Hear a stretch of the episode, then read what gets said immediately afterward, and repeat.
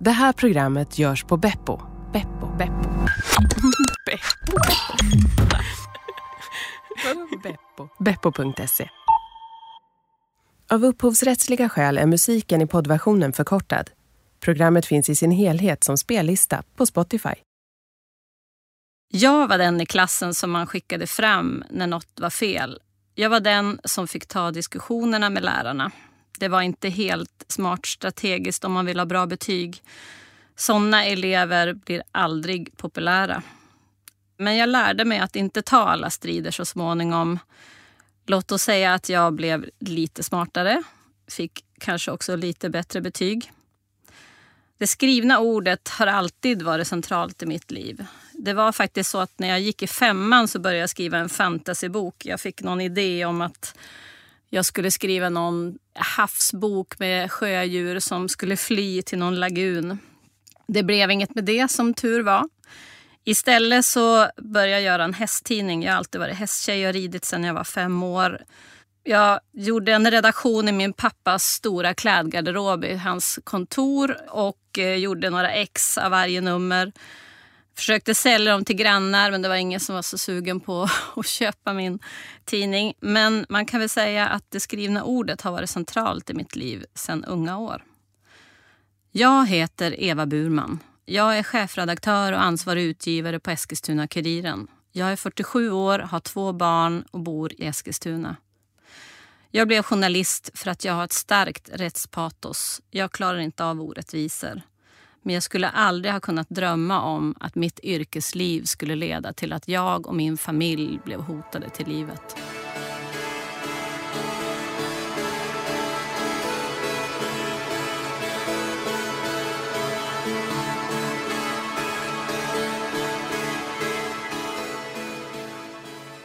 Jag minns att jag satt hos studievägledaren i åttan och han frågade vad jag skulle söka för linje. Jag funderade på en bred utbildning för att kunna välja mer efteråt. Kanske plugga vidare eller något liknande. Jag tänkte på samhällsekonomi. ekonomi. Men han övertalade mig att vårdyrket var det bästa för mig. Undersköterska skulle jag bli. Ja, han lyckades väl övertala mig och jag jobbade ett par år i vårdyrket. Men jag valde att plugga vidare för jag blev för frustrerad över byråkratin inom vården. Att känna att man inte var tillräcklig eller att kunna ge den vård som en patient behövde. En kollega, en av läkarna på den vårdcentral som jag jobbade på, peppade mig och sa bli läkare Eva eller byt helt yrke. Du kan mer än gå här och skrota. Det är bortkastat på dig. Sagt och gjort. Jag började läsa in matte, för det hade jag ju inte läst eftersom man gick på vårdlinjen, och tredje året svenska. Där någonstans kände jag att matte inte är min grej. Jag har väl någon sorts mattefobi som många humaniora-människor har. Kallar man det för läkemedelsräkning så hade jag högsta betyg. Det blev humaniora istället. Jag pluggade först historia till och med C-nivå, sen religion till C-nivå och därefter statsvetenskap till B-nivå. Jag hade ingen aning faktiskt vad jag skulle bli. Jag gjorde väl som alla andra. Jag pluggade på och tänkte att jag får väl bli gymnasielärare. Men då var det en kompis till min syrra som undrade om jag ändå inte skulle bli journalist. Och där och då föll allt på plats. Jag hade ju för tusan pluggat i en evighet, närmare bestämt sex år, så att jag gick en ettårig utbildning och fick mitt första jobb ett år senare som redigerare på Sundsvalls Tidning 1997. En sak var säker,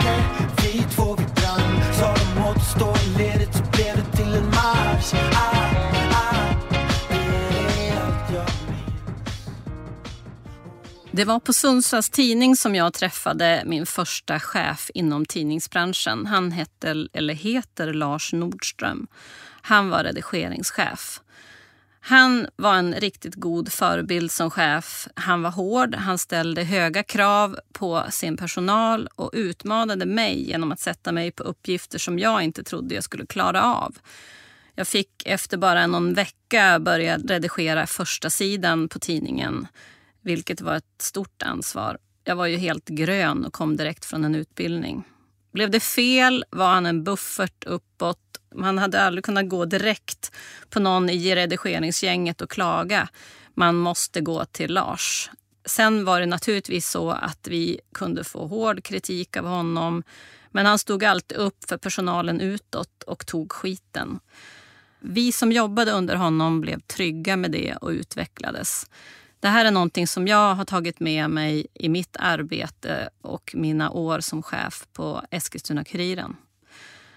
En annan person som har varit viktig för mig var den där läkaren på vårdcentralen som heter Anita Segal. Hon är en förebild för mig för hon var så otroligt generös med sin kunskap. Hon berättade alltid vad hon gjorde och varför när hon hade patienter och jag sög åt mig som en svamp. Och hon peppade mig att inte nöja mig. Gör det du vill, sa hon. Det har jag tagit med mig genom livet och försöker göra samma sak som henne. Jag vill vara öppen. En tredje person som har varit viktig för mig är min tidigare chef, P.O. Wärring som var chefredaktör på Eskilstuna-Kuriren när jag började där. Han såg mig och gav mig chansen trots att jag bara jobbat några år. Först som redigerare i två år och sen som nyhetsreporter i två år. När det vart en ledig tjänst som nyhetschef så erbjöd han mig den tjänsten. Pio har en förmåga att delegera ansvar. Han låter andra leda. Han behöver inte stå där och bestämma och peka med hela handen. Han stod för ramarna på redaktionen. Sen fick vi fria händer att utveckla verksamheten.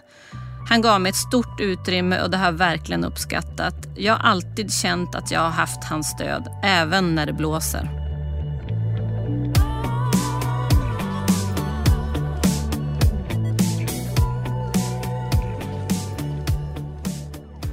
–2011 blev jag redaktionschef. P.O. Werring var fortfarande chefredaktör på tidningen och vi skulle samarbeta i koncernen mellan de tre tidningarna.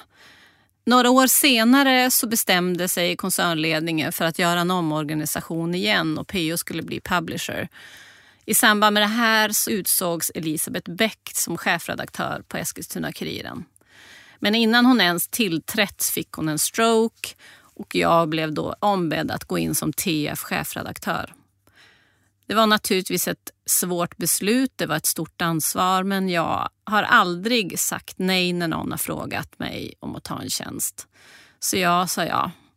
Och det var en spännande tid och ett otroligt tufft jobb att gå från redaktionschef till ansvarig utgivare och chefredaktör. Men jag tycker inte man ska säga nej när man får ett erbjudande. Eskilstuna-Kuriren har en historia av att stå upp för minoriteter och de liberala värdena. Under andra världskriget hade Eskilstuna-Kuriren en chefredaktör som var en av tre i Sverige som vågade stå upp mot nazismen. Och han var till och med åtalad för att ha smädat Hitler. 2015 kom flyktingkrisen till Sverige. De liberala värdena blir än viktigare att stå upp för. Eskilstuna-Kuriren firade samma år 125-årsjubileum och vi hade en insamling på torget för Syriens flyktingar. Jag började skriva krönika på temat pressetik och rasism och vid samma tid började telefonsamtalen komma in till redaktionen. Upplägget var detsamma hela tiden. Man ställde en fråga om lokal publicering som vi hade gjort och sen ledde frågorna snabbt in på hur jag tyckte om flyktingar, vad jag tyckte om rasism, eh, vad var rasism eh, och vi fick snabbt en känsla att det här var samtal som inte kom från en intresserad, nyfiken läsare utan att det var systematiserade ringningar där de hade ett manus. Det gick så långt så att till slut så var det en person som ringde mig och vi hade ett 20 minuters långt samtal. Det slutade med att jag varit uthängd på hatsajter därför att jag till slut efter den här mycket aggressiva mannens Många påståenden säger att det som han uttrycker kallar jag för rasism och det här gör man en stor sak på hatsajterna. I kommentarsfälten så ska jag våldtas, jag ska då kulturberikas och man hoppas att mina barn ska bli gruppvåldtagna av nordafrikaner så jag får se. Vad det gör med en människa när man utsätts för hot det går liksom inte att beskriva. Det är inte därför man väljer att bli journalist, för att man ska bli hotad och att ens barn ska utsättas för hot. Det visade sig om de här samtalen som kom till redaktionen ringdes från Granskning Sverige. Granskning Sverige är en högerextrem Youtube-kanal där man har som affärsidé att man ska ringa politiker, journalister, tjänstemän eller till och med förskolelärare för att spela in dem i smyg. Man fulklipper inslagen och lägger ut dem på nätet. Syftet är förstås att skrämmas men också skapa hat som leder till nya trakasserier mot de som är uppringda. Det var där jag hamnade den här gången när den här arga norrlänningen ringde mig. Och Det var de länkarna som spreds på svenska hatsajter och i de kommentarsfälten skulle jag våldtas. Det var höst 2016 och Granskning Sverige försöker febrilt få tag på mig och Alex Voronov den politiska redaktören. Syftet var att vi skulle ställas mot varandra. Kvinnan som ringer heter Fatima när hon ringer mig men hon heter Jenny när hon ringer Alex. Hon jagar mig. Hon jagar nyhetscheferna, hon jagar redaktionen för att få tag på mig. Till slut så läser hon upp hela sitt manus på min telefonsvarare. Hon lyckades aldrig få tag på mig jag förstod ganska snabbt att det här var ett sånt där manussamtal som de skulle göra. Men jag var väldigt frustrerad över hur långtgående de här trakasserierna hade gått så att jag ville ta reda på vilka är det som ligger bakom Granskning Sverige.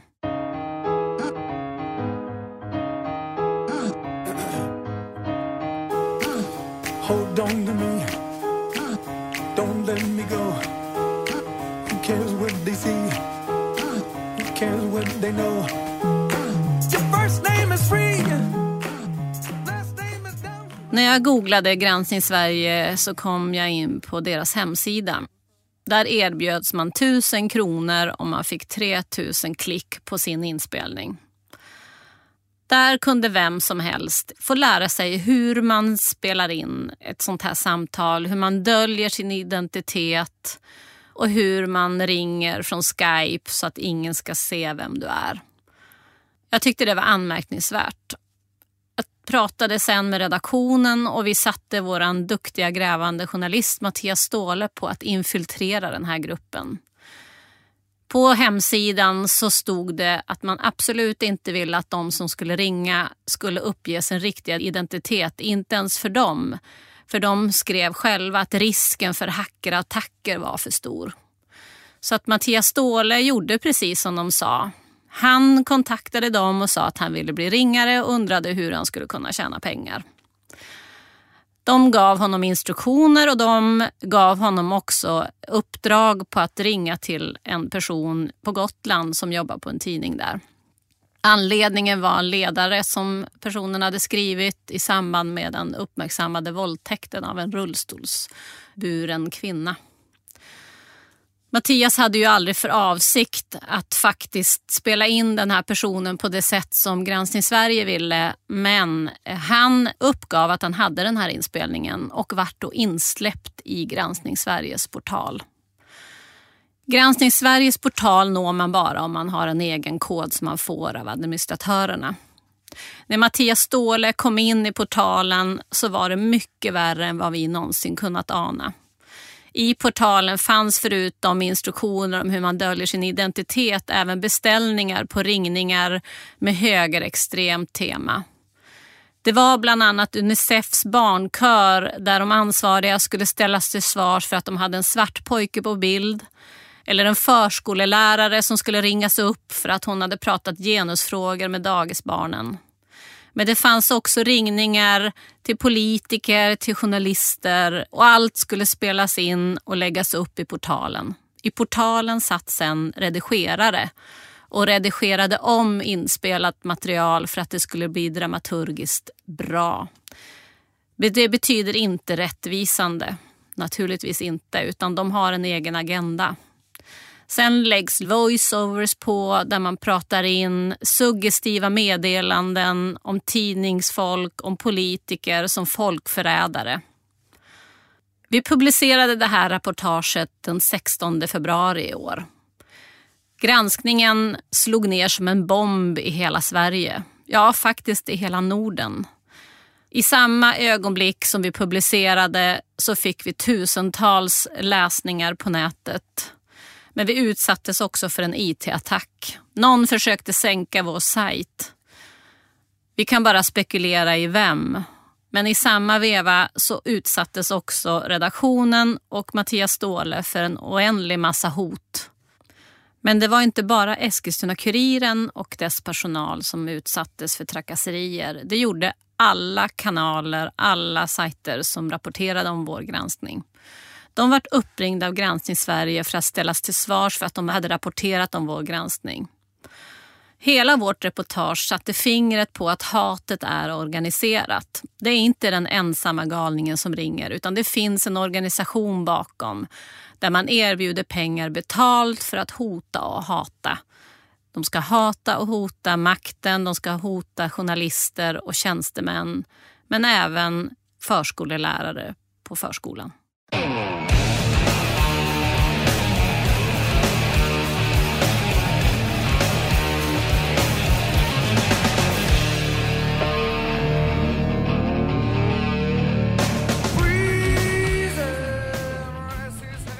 Våren 2015 släpps en rapport som Putin-administrationen ligger bakom.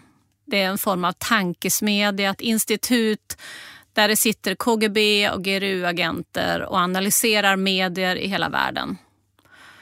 De tittar på hur aggressiv rapporteringen är kring Putin och Ryssland och man graderar alla titlar i ett aggressivitetsindex. Samtliga länder finns med i den här rapporten det är stora titlar som New Washington Post, New York Times, CNN, Le Figaro, Le Monde. Ni hittar dem alla. I Sverige finns även de största titlarna med. Expressen, Aftonbladet, DN, Svenska Dagbladet och så Eskilstuna-Kuriren. Snittet i världen ligger mellan 1 och 3. Eskilstuna-Kuriren har 22. Det finns ingen tidning i västvärlden som ens är i närheten. Förutom en publikation i Polen som har 21,75. Varför det är så här är svårt att säga. Men sannolikt handlar det om att vi har en politisk redaktör som har ett ursprung i Ryssland. Han skriver initierade ledare om Krimkrisen och Ryssland och Putin specifikt men tar också väldigt stark ställning gentemot högerextrema rörelser, Sverigedemokraterna och de som inte står upp för liberala värden. Försvarshögskolan som har tittat på den här rapporten säger att det är osannolikt att vi inte skulle utsättas för aktioner på grund av vårt höga index. Det är självklart menar man. Och I det ljuset ska man väl se de IT-attacker vi utsätts för, spamattacker mot Alex Voronov och de många och myckna trakasserierna i sociala medier. Huruvida Granskning Sverige är kopplat till Ryssland är svårt att säga. Men det här vet vi om Granskning Sverige. Sajten skapades av Jim Olsson. Det är samma person som utsågs som en av Sveriges största näthatare av tidningen Expressen. Jim Olsson stämde Expressen för förtal och han fick hjälp av Ida Nord som driver hatsajten Fria Tider. Man samlade in pengar inför stämningen. Som tack för hjälpen så gav Jim Olsson bort sajten till Vidar Nord. Det säger han själv i en intervju med Eskilstuna-Kuriren. Gemensamt för de svenska hatsajterna är förutom att de är högerextrema också att de i viss utsträckning är proryska. Det gäller även Granskning Sverige.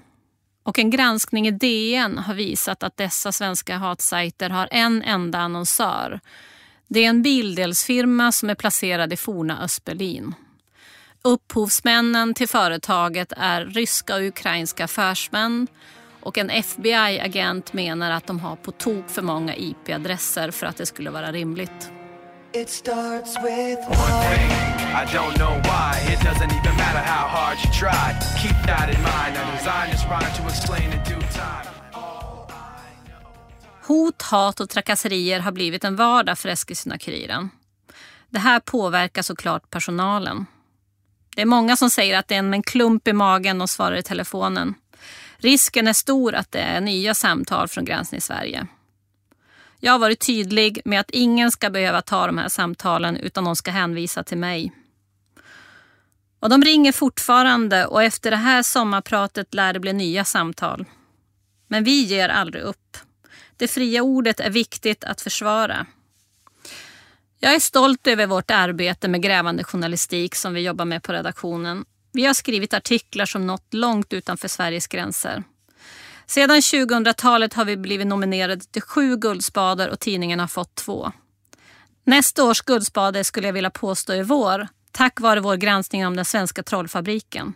Jag hoppas att vi också får Stora journalistpriset för det här arbetet. Vi var nominerade redan i år för granskningen av Eskilstuna kvinnan som hade sex med två flyktingpojkar. Den historien utmynnade sedan i mord i Arboga. Kvinnan misstänks ha mördat sin pappa, sin exman och försökt att mörda sin mamma. Det är sådan journalistik vi gör på Eskilstuna-Kuriren och den är jag otroligt stolt över. Jag har alltid brunnit för den grävande journalistiken och jag tycker att det är viktigt att det prioriteras på en redaktion. För det är någonstans där vi har vårt existensberättigande och det är vår framtid. Jag tror att det är så tidningar och mediehus överlever.